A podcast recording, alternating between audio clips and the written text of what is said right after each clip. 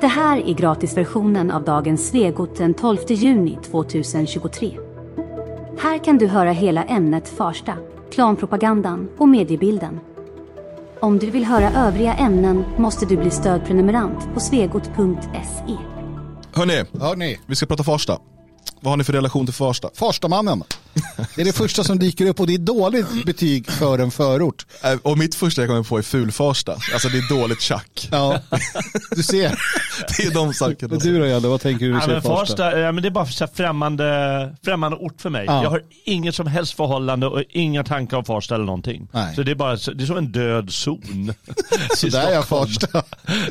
Jag har ju ganska mycket relation till Farsta som uppvuxen i Skogås som är ju två stationer bort på pendeltåget och det var ju det närmsta så här, sto- större köpcentrumet. Eh, där det liksom fanns lite klädbutiker och lite sånt. Så att eh, istället för att åka in till stan var det lätt att bara ta bussen eller pendeltåget då till, till Farsta. Eller Farsta strand och sen tunnelbanan en station.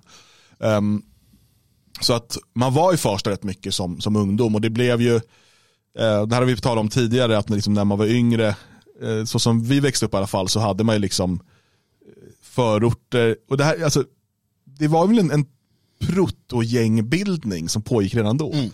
Där liksom förorter lite grann slogs med varandra. Men det var inte skjutvapen, inga knivar, det var inte, men det var ju liksom, eh, jag vet att liksom, nu är Farsta här och då skulle vi slåss med dem. Och nu är, det, det fanns ju de här tendenserna redan då. Men på liksom ett ganska svenskt sätt. Eh, lite som det Tegelbacken och så vidare. Ja men precis, men det har vi ju till, när man pratar med gubbarna här och så. Jag menar Hova, kom det några från Hova på dans i Elgarås då vart det ju slagsmål såklart och så vidare. Så där har vi alltid haft det, det är inget konstigt, det är bara nyttigt och bra. Eh, Det som händer nu har ju liksom gått över gränsen och den, den passerades ju med, med råge. Uh, framförallt när massinvandringen sätter igång på allvar. Och då brukar folk, ja men det stora nordiska mc-kriget, ja det har funnits eh, turf wars eh, tidigare också naturligtvis. Det som händer är som sagt att eh, man har alltid i ett samhälle ett visst, en viss andel av befolkningen som kommer att skjuta varandra och bråka med varandra och ställa till det. Det är särdeles dumt att importera åtskilliga hundratals tusen fler att fylla på med. Um, så att eh, det, det, det blir ju i samband med eh, med, med massinvandringen som det här blir. Men, så att säga, Farsta för mig, det, det, blir, det är väldigt nära min, min uppväxtort och det är, liksom, det är ett, ett ställe jag var på väldigt mycket. Jag har också spelat fotboll i Fock Farsta som laget heter där.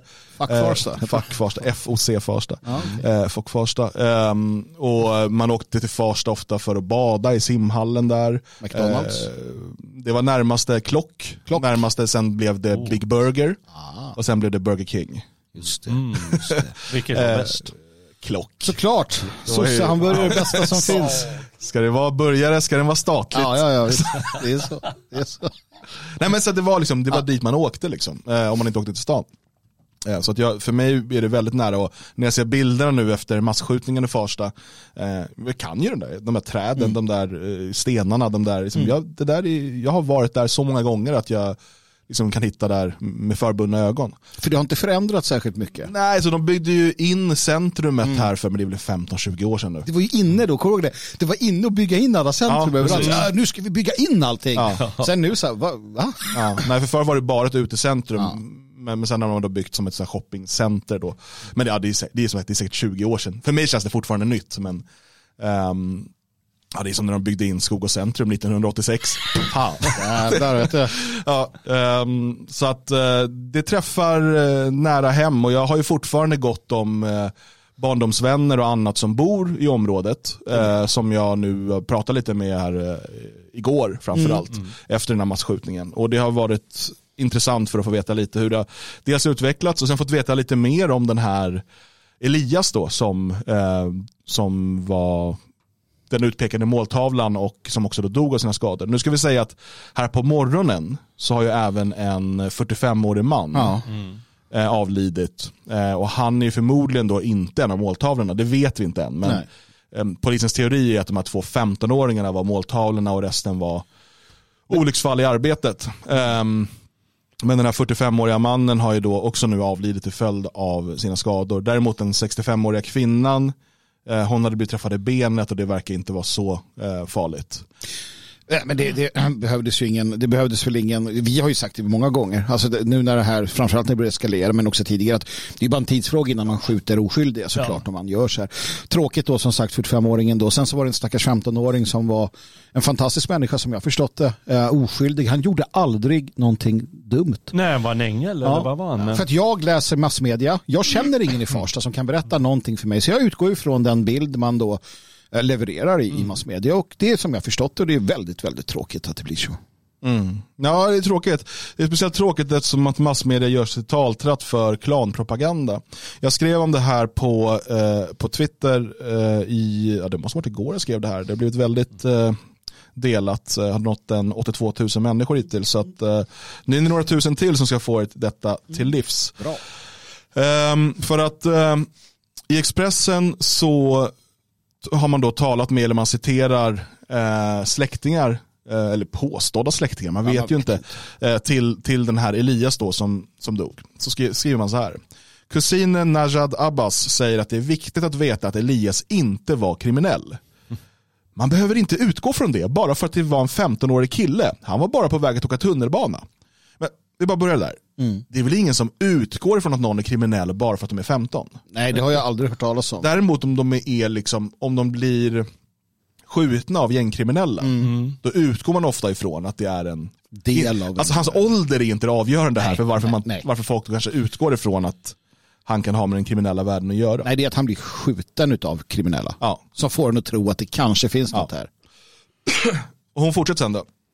Han bråkade inte med någon. Han brydde sig om fotboll och fina kläder. Han var bara ett barn, säger en annan släkting eh, som inte vill medverka med namn.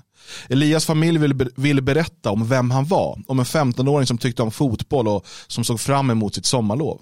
Han var världens snällaste, tog alltid hand om alla, sin lillebror, sin mamma. Han var snäll och rolig. Jag frågade honom om balen, vem han skulle ta med sig. Då sa han att han hade tjejerna på ett led väntandes. Mm. Han var sugen på livet, han var sugen på studenten, mm. på att resa. På allt det roliga som en tonårskille ska vara, säger Huda Abbas. Ja, jag, jag, jag, kan inte invända, jag kände honom inte. Eh, och jag är säker på att allt det här de säger är sant. Ja, varför skulle de Nej. ljuga om det? Nej, men, um. jag, alltså, om jag är kusin med honom, eller syrra, det är klart att det är sant. Han var skitschysst. Han vill ut och resa och sådär. Var jag hans fiende i ett kriminellt gäng, då vill han skjuta mig. Ja. Jag, jag är en jätteschysst kille, tills jag inte är en schysst kille. Uh, men det är som du säger, det, det, det, konstiga här är ju inte att hans familj tycker om honom. Vad fan, Jeffrey Dahmers familj var tvungna att liksom förhålla sig till honom. Men det, det konstiga är ju att när massmedia ställer sig, som du sa precis inledningsvis Dan Eriksson, mm som taltratt för vad? Jo, för klanpropaganda. Mm. Det gjorde man inte med Jeffrey Dahmer. Mm. Det finns ju ett problem med det där och det är att jag menar, medielogiken, den vill jag ha, ja, men, den oskyldige blev drabbad här eller, eh, eller ni vet den här storyn från eh, den svaga mot den starka eller något sånt där och mm. här är det liksom oskyldiga, schyssta invandrarkillen. Det är det, det, det de säljer på. Mm. Det är det de vill ha. Men problemet är ju att de har gjort sig eh, propagandarör för massinvandring i eh, decennier, de här tidningarna. Och då, då, liksom, då är det någonting som krackelerar med den där logiken. Det är inte mm. bara vanlig sälj, försäljningstaktik längre, utan det blir något mer. Och det är något unket. Och det, i det här fallet är det ju helt klart unket, särskilt när de säger som att det är klanpropaganda. Mm. Mm. Ja, för det är det som blir, jag, menar, jag, jag skriver det sen där på Twitter också, att eh, det är klart att det är en tragedi för familjen. Det förstår, alltså, vilket, hur han än var som människa så är det ett barn till någon och så vidare. Jag mm. förstår att de är ledsna och sådär.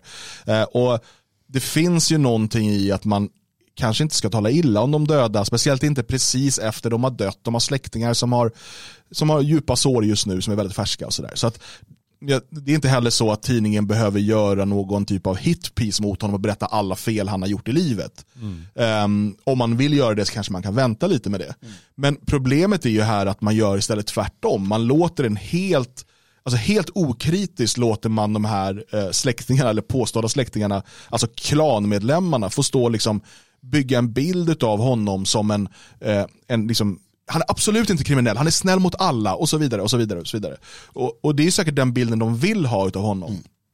Problemet är att det kan säkert finnas riktiga offer till honom också. Såklart. Ehm, och jag tog som exempel då det här som jag talade om för inte så länge sedan, den här turken som dräptes i Stockholm, i Skogås för 23 år sedan, mm. som ju beskrevs i media som eh, en ängel och han var snällast och han hjälpte ungdomar att spela fotboll och det var alla de här sakerna. När jag själv, bara några år tidigare, hade blivit rånad av honom mm. och jag vet, jag var långt ifrån hans, hans enda offer, eh, hans enda svenska offer, mm. för det var svenskar de gick på. Um, men det blir ju då när, när den här personen sen målas ut som någon typ av ängel och förebild i media, det blir ju också ett övergrepp på de offer som den här personen har. Och det vi vet ifrån människor som kände till eller kände honom, både sådana som jag har talat med och som har uttalat sig på nätet, är att den här 15-åringen Elias, han har alltså redan själv deltagit i skjutningar mot andra personer. Mm. Ehm, de var en del av den här gängkriminella miljön, de ville snabbt komma upp sig. Ehm, så här skriver en person som, ehm, som var bekant med dem. Ska vi se om vi kan få upp den här bara. Ehm. Det finns en här. Jag var ganska ytligt förvisso bekant med de skjutna pojkarna. De var bägge djupt inblandade i gängkriminalitet och själva deltagit i skjutningar. De eftersträvade makt och snabba cash, de ville bli gangsters. Jag tycker uppriktigt synd om dem, men de var inga duvungar direkt. Mm. Mm. Eh, och jag har talat med människor som bor där, eh, som har barn i samma ålder och de säger samma sak. Han var en del av de här, det här kriminella invandrargängen som fanns där som terroriserar svenska barn. Alltså inte om just han personligen har gjort det, men det här gänget som han var en del av eh, var ett sånt som liksom svenska barn var rädda för. Det var därför de inte vågade gå ner till Farsta centrum när det började mörkna. För att det här gänget rånade eh, och eh, eh, liksom betedde sig allmänt svenskfientligt. Och, men då väljer media att då ge hans klan liksom en taltratt här. Liksom. Bara, här, kör ut er propaganda och vi, vi säger inte emot någonting. Återigen, man behöver inte, Expressen behöver inte tala illa om honom. De behöver inte berätta om allt dumt han har gjort. Men låt då istället, var istället tysta om det. Konstatera bara att en 15-åring, man kan lägga till tidigare känd av polisen om man vill, men liksom mm. det som har dött. Men att istället ge bara en sida av det det blir propaganda. Eh, precis, och det är inget nytt. Eh, jag minns eh, återigen tar jag upp Arminas eh, Pilekas som mördades 2016 tror jag det var då. Jag fick en kniv i hjärtat av en 14-årig, en 15-årig uh, gärningsman. Där massmedia gick ut och lät uh, gärningsmannens uh, familj berätta och förklara mm. och prata om heder och mm. att deras son hade blivit kränkt och så vidare. Jag säger inte att de inte skrev vänligt om Arminas. Det gjorde de också. De försökte inte hänga ut honom som ond på något sätt. Absolut inte. Men de gav den sidan. Och problemet ligger i att, att de alltid gör det. Att de alltid väljer att uh, liksom avdramatisera offren, i alla fall nästan alltid. Och framförallt också att man, man inte inser vissa saker som du säger tycker jag är intressant. För att han var 15 den här killen då, Elias i, i Farsta. Uh, och, och, det pratas om barn, jag hörde polisen sa att det är barn 20 år gamla eller un, liksom, ja. pojkar används här. Man använder vissa begrepp från polisens sida mm. och så mm. vidare. Pojkar i 20-årsåldern. Um, och, och ord betyder ju någonting. Men det här att man inte har förstått eller vill inte förstå att 15-åringar, 14-åringar är livsfarliga idag. Mm. Alltså du, vi har kommit till en, en för, för, för, många år sedan när jag var ung, man skulle aldrig gett sig på en äldre. Det var väldigt få unga som liksom satte sig upp mot en äldre. För Stellan har du ju en chans om du kör knytnävarna. Ja, ja, har du mot en äldre blir det svårt. Liksom. Precis. Men nu så är det 14-åringar som, liksom ett gäng med 14-åringar som rånar vuxna män. Eh, och, och, och, det har liksom blivit fullständigt barockt på det sättet. Och man tar inte höjd för det. Man, man, det här är ju ett, att jämföra med barnsoldater i Afrika. Mm. De har inga hämningar. Alltså det är också det, en 14-åring, en 13-åring, han fattar ju knappt konceptet mm. med det våld han är beredd att utöva. Va? Och det kan jag väl ge att, att de inte har den, det risktagandet eller betänkandet och så vidare.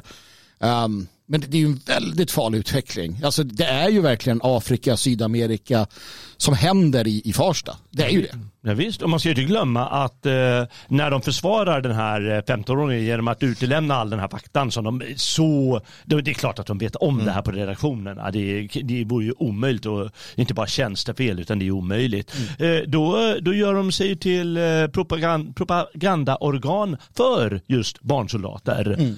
Det är ju det de gör. Mm. De vill ju ha den här sortens miljö för, därför att de kämpar allt vad de kan för att den ska fortgå. Mm. Annars skulle de ju sagt att det här är ju ett helvete. Vi har 15-åringar som springer loss. Hur ska det sluta? Liksom som barnsoldater i, i Kongo. Det är mm. fruktansvärt. Men då gör de snyftartikeln istället. Ja. Och då, det är ju ett gamla vanliga tecknet gör vad du vill. De, de hyllar ju också, de hyllar ju också indirekt, återigen eh, Sveriges Radio, som spelar musik från människor som skriver raplåtar om alltså hur de, när fienderna blir ja, som mördade. Är, som är en del av det här gängkriget. Ja. Eh, det bilder vi ser här till exempel, um, då, då, ser vi ju den här Elias då och någon av hans polare uh, och de dricker något som åtminstone ser ut att vara det som så purple drank eller lean, mm. uh, som är en del i, i den här hiphop gangsta rapkulturen, det som man mm. blandar um, hostmedicin, receptbelagda läkemedel med, uh, med läsk eller juice och, och sådär. Det får den här uh, lila färgen. Uh, och det, du blir helt enkelt hög av skiten. Mm. Mm. på olika sätt. Uh, och det här är väldigt populärt i sådana här afroamerikanska uh, gangsterrap-miljöer. Mm. Och sådana bilder lägger man han liksom upp frivilligt mm. när han sitter, du vet, det, det, det, det signalerar någonting eh, om, om, eh, om vad det är. För, och, och det, jag menar, jag lyssnade eh, nu på morgonen så var det någon intervju med någon från Fryshuset, jag vet inte om ni hörde den, eh, där eh, pratade om att de groom, barnen groomas in i de här kriminella miljöerna, de rekryteras inte. Eh, och eh, så här, Jo men är det så jäkla konstigt då? Det här är människor eh, som har alltså oftast noll rötter i den mylla där de växer upp. Mm. De har, känner ingen som helst koppling till det här landet, till majoritetsbefolkningen, eh, till den kultur som fortfarande genomsyrar landet. De känner sig liksom malplacé av en god, eh, god anledning. Mm. Eh, I deras eh, bostadsområden så finns det framgångsrika människor, de är ofta kriminella, inte alltid men ofta. De som kör alltså, eh, fina bilar och så vidare som får alla tjejer. Eh, det är dessutom så att de här kriminella gängen mer och mer, för det är det de kallar för grooming då, börjar ta hand om barnen när de är små, mm. ungdomarna. Många av dem kommer ifrån eh, skilsmässohem, ensamstående mammor, har inga pappor som är, är närvarande. Då kommer det eh, coola grabbar i 30-årsåldern eh, som eh, bjuder dem på läsk och godis eh, som tar med dem och gör saker. Det är det här de kallar för groomingen då. Men då, det är ju bara det är ett vakuum som har skapats i det här sjuka samhället mm. som fylls av andra. Ja. Och eh, att, att många invandrarungdomar söker sig till det här är inte konstigt. Men det är inte en ursäkt för det. Men, men vi såg det inte komma, eller vadå? Jag, jag, jag tycker det är så komiskt. Eh, jag tycker faktiskt det är komiskt. Jag skrattar. För att jag vet, det här, alltså, jag vet ju hur, hur det här fortsätter. På andra ställen kommer muslimska eh, kyr, eh, moskéer ta över det här istället för kriminella gäng. Eh, tittar vi på USA så är det precis den utvecklingen med, mm. med Bloods och, och Crips och allt vad de heter. Och där pratar vi gäng med hundratusentals medlemmar på öst och västkusten. Det är det som händer här också. Det här kommer inte ändra sig. Du som tror att vi kan rösta bort det här, det kommer inte röstas bort. Det här kommer cementeras. Gunnar Strömmer står i Farsta och säger det här är inhemsk terrorism. Först och främst är det en fel definition av ordet. Mm. Två, var inhemsk terrorism? Man menar allvar. Då hade insatsstyrkan mobiliserats och slagit till på alla adresser som vi vet om. Då hade man...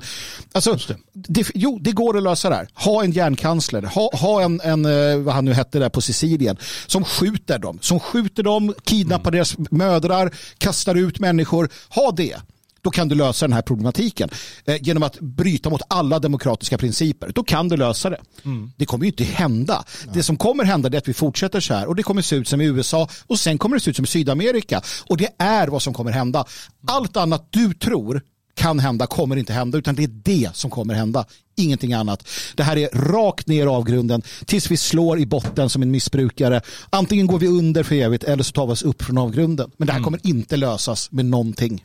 Nej, och den sista som kommer lösa det är förstås Magdalena Andersson som eh, eh, twittrar att, eh, skriver hon här, grova brottsligheten undergräver den svenska tryggheten, mm. tillit och så vidare. Va? Sätter skräck i bostadsområden, eh, släcker liv, 15-åringar, det här måste få ett slut. Jag menar, hon har ju skapat skiten, hon har ja. varit med och skapat skiten tillsammans med många andra. Hon, hon, hon är inte ensam oskyldig och hon kommer aldrig göra något åt det. Ja. Det Nej. är så löjeväckande hur de ska vinna politiska poäng och så i samma sekund kommer de göra exakt samma sak fast ännu värre. Ja. Jag tycker det är bra att Fria Tider lyfter eh, något som folk inte ska glömma här.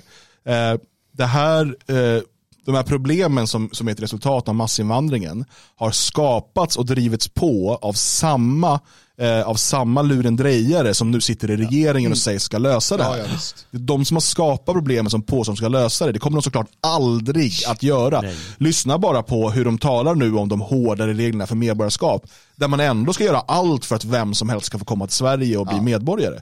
Ehm, Fria Tider tar upp här, eh, när Gunnar Strömmer, som nu alltså är då justitieminister och står där i Farsta och, och gråter krokodiltårar. Eh, han var ordförande i MUF och då drev han kampanj för ehm, helt fri invandring.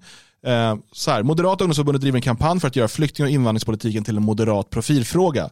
Som ett första steg vill MUF ge flyktingar som gömmer sig amnesti, sedan bör invandringen släppas fri. Gunnar Strömmer tycker att det är riktigt att fram tills dess hjälpa till att gömma flyktingarna som myndigheterna bestämt att utvisa. Han anser att det ligger rättsövergrepp bakom många utvisningsbeslut. Det här är justitieministern. Det här är vad han har gjort. Han har medvetet drivit för att förstöra Sverige och nu så har han belönats med en justitieministerpost. Men han är inte den enda. Kom ihåg Ulf Kristersson. När han var ordförande för MUF. Han ville ha helt fri invandring. Ja. Det här är de två tyngsta posterna just nu i regeringen. Gunnar Strömmer och Ulf Kristersson som då ska lösa de här problemen. Ja, men, Hur jävla dum och naiv får man vara om man tror att några jävla moderater ska lösa det här. Nej, det, det är ju som, sant som du säger och även låt oss säga att de har justerat sina åsikter 10% säger vi. 10% bättre. Så är det ju hopplöst fortfarande. hopplöst. och jag menar en av de stora tunga intellektuella namnen i svensk vänster. Eh, och det är han, jag är ledsen att säga det men det är en, en, en, en stjärna på deras himmel. Det är Göran Greider. Göran Greider har uttalat sig om detta. Jaha. Gängkriminella fattar inte ens vad de gör mot detta samhälle. Massiva satsningar på skola, socialtjänst, fritidspedagoger, all slags förebyggande, kosta vad det kosta vill. Men också en, en, en hel del av de hårda tag som kommit på senare år. Bägge krävs. Alltså det intressanta är att det första han gör då, det här är det klassiska vänsternarrativet. De här människorna vet inte vad de gör. Och det är det som är problemet. Ungefär som när, när Sverigedemokraterna åkte ner till flyktingläger och sa att om ni kommer till Sverige så kommer våra pensionärer inte få äta sig mätta. Som att de bryr sig. Alltså de vet precis som jag, jag har varit 14. Jag var inte helt jävla eh, oskyldig till en massa skit. Jag visste precis vad jag gjorde. När jag gjorde kriminella saker så visste jag precis att det här är kriminella saker. Klart Men det var vet. ganska roligt ska jag be få tala om.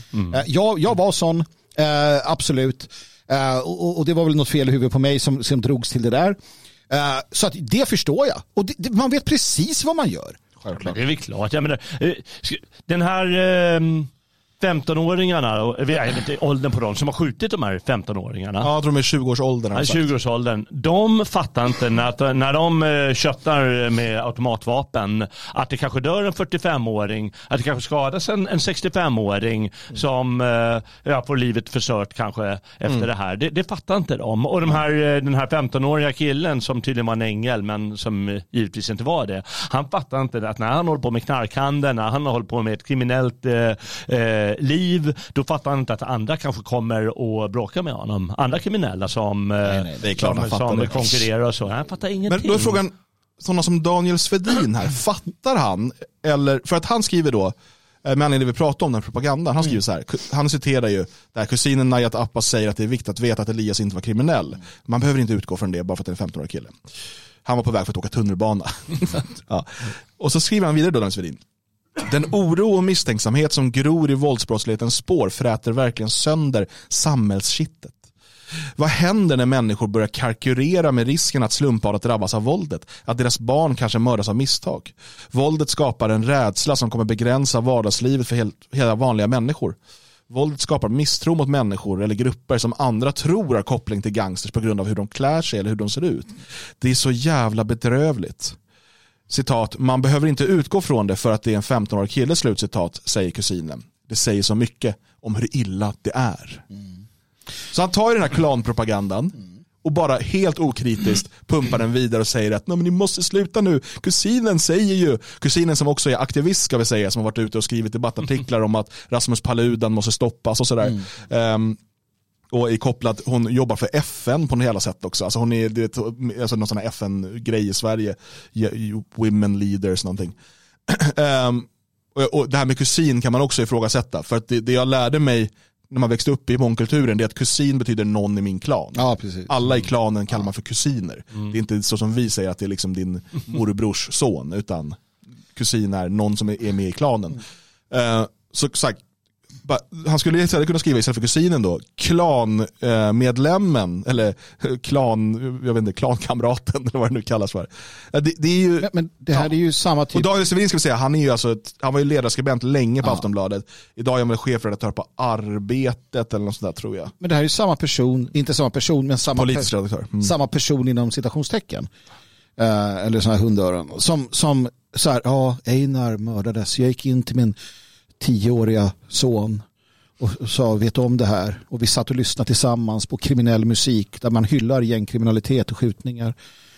Uh, åh, vad synd det här är. Det är ju den typen av människor. Mm. Så här, åh, jag ska skriva ett hiptrap. Ja, åh, jag ska gå och ha kåtblicken mot någon jävla rapartist som den där bruttan på S eh, Sveriges Radio som satt och bara, åh, gud vad cool han är. Jag menar, hela det här horiga etablissemanget, mm. de gillar ju det här. Ja. De gillar ju det här och det är ungefär som ni vet, ni, ni, alla har känt de här killarna som känner någon, jag känner någon i den och den klubben. Mm. Alltså som lever på att de känner någon som är kriminell eller som är tuff eller som är cool eller som är rik eller vad som helst.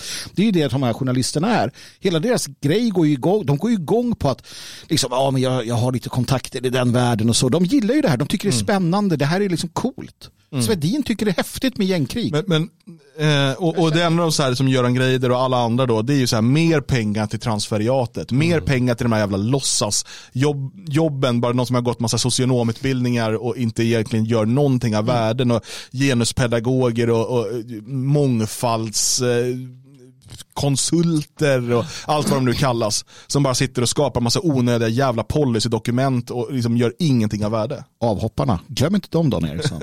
Jag hoppar av gängkriminaliteten. Efter att ha mördat och skjutit sen blir jag anställd som, som någon skrev här, fritidsledare. Ja. Hur många jävla fritidsledare har vi inte träffat på genom åren?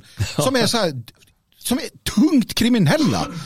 Ja. Som fortsätter. Vi hade ju hela Kista-incidenten. Non-fighting generation, det var ju för fan ett gäng. Ja. Alltså, det är så bisarrt. Mm. Bara, det här är Ahmed, han, mm. har, han har suttit på Kumla. Alltså, de satte de tyngsta, och det var ju även, alltså, även innan vi hade invandringen. Man, man kunde gå på fritidsskolorna och så bara, ja det här är, det här är Roffe. Han, är bland, han har varit blandmissbrukare i 50 år och suttit på Kumla. Han ska ta hand om dig. Man bara okej. Okay. Mm. Alltså det var ju så de gjorde vänsterpacket. Mm. De, tog de, de tog slöddret i samhället. Och så förde de ihop dem med barnen. Mm. Och sa att nu ska ni lära er någonting här av Roffe. Och det är ju, det, man, det är ju samma praktik man gör idag. Ja. Där vi ser de här gängkriminella då som efter um, färdig, uh, färdig tour of duty uh, på gatan blir liksom upplyftade i detta. Men vet du, jag kom på nu Jalle. Jag läste ju in den här, uh, på Sveating läste jag in min egen bok uh, Fortress, uh, Fästning i Europa här mm, tidigare. Mm, Finns på Sveating, sveating.se. Ja. I den så skrev, den är från 2014-2015 angående IS-terroristerna. Och det hade Miljöpartiet, de hade ett sätt att arbeta med avhoppade IS-anhängare, alltså människor som har mördat barn, okay? Mm. som ja. kom tillbaka till Sverige. Ja. Och det gick ut på så att man skulle träffa dem, prata med dem, ge dem liksom vård och hjälp och, och, och, och som vanligt allting. Och det var mot IS-terrorister. Mm.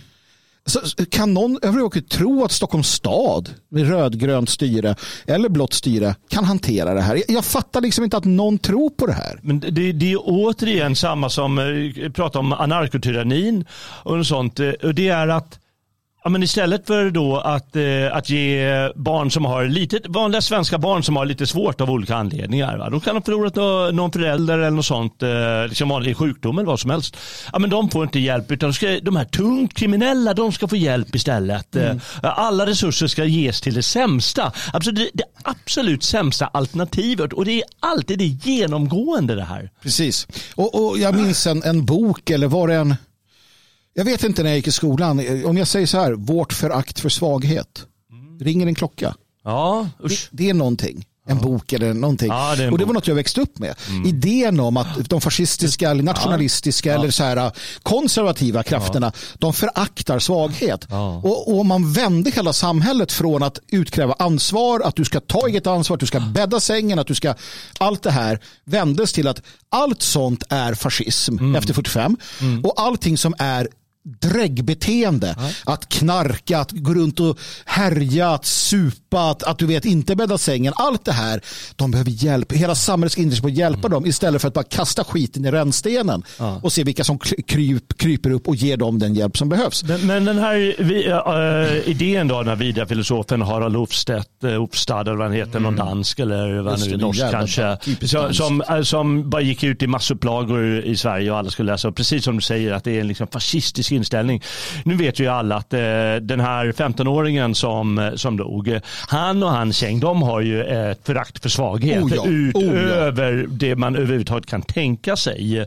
Jag menar, du är ju mild herre jämfört med, med de här eh, Ja, ja, det det. Ja, och eh, då måste media, för att få den här propagandan om vårt förakt för svaghet, de måste göra den här 15-åringen som hatar, Ja. som föraktar svaghet Ja. över allt annat, de måste göra honom svag i mediebilden för att få sin egen sjuka, Mm, störda logik att gå ihop. Det är, alltså, det, det är sånt, det, psykologer de borde sluta eh, analysera människor Mm. och gå och titta på så kulturfenomen som händer. För det är så neurotiskt hur de håller på och måste få in sin sjuka logik och- i verkligheten. Och så har de bakat in det. De har bakat in det i Försvarsmakten.